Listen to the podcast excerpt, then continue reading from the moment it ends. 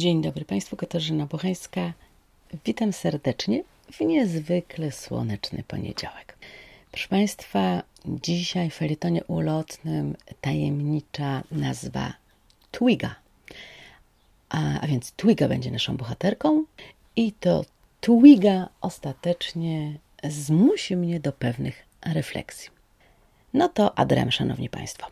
Twiga w języku Suahili oznacza nie co innego jak żyrafę. Zwierzę, przyznacie Państwo, koło którego trudno przejść jest obojętnie. Jej długa szyja pozwala nosić głowę zawsze z gracją, a w momencie, kiedy kroczy, to płynie. Każda żyrafa ma charakterystyczne dla siebie wzory i nie znajdziemy nigdzie indziej drugiej takiej samej.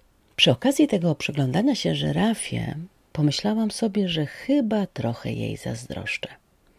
Patrzy na wszystko z góry, nosi głowę prawie w chmurach, a i wrogowi potrafi się odwdzięczyć całkiem niezłym kopniakiem.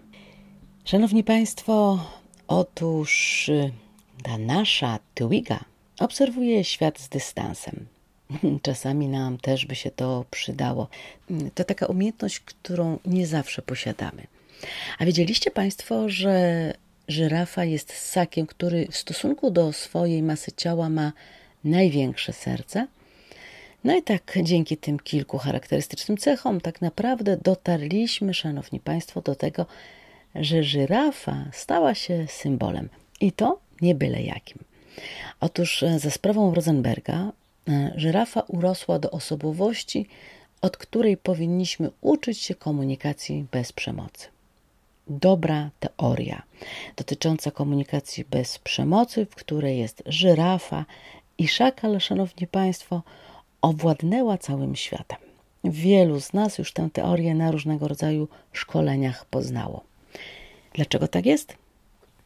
Bo nasza twiga to symbol języka serca, świata uczuć i uniwersalnych ludzkich potrzeb.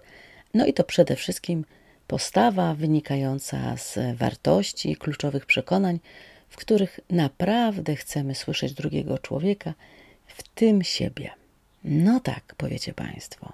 No ale, no właśnie w tej całej historii jest małe ale. Otóż, y, jak być ową żyrafą, a nie szakalem? Wszak świat jest pełen języka agresji. Wystarczy ubrać dwa różne buty, no i masz ci los. Już wszyscy o tym piszą, a raczej syczą na forach. Wystarczy nie zrozumieć pytań zadanych w debacie i już masz łatkę stygmatyzującą i nagle wszyscy się ciebie wypierają, choć jeszcze chwilę wcześniej popierali. Naobiecujesz wyborcom, najpierw cię noszą na rękach, a potem złorzeczą i klną. Szanowni Państwo, jak być żyrafą? Żyrafą, która porozumiewa się językiem serca. Myślę, że to taka zagadka na ten tydzień dla mnie. Może i dla Państwa. Udanego tygodnia, Szanowni Państwo. Bez języka szakala Państwu życzę. Do usłyszenia.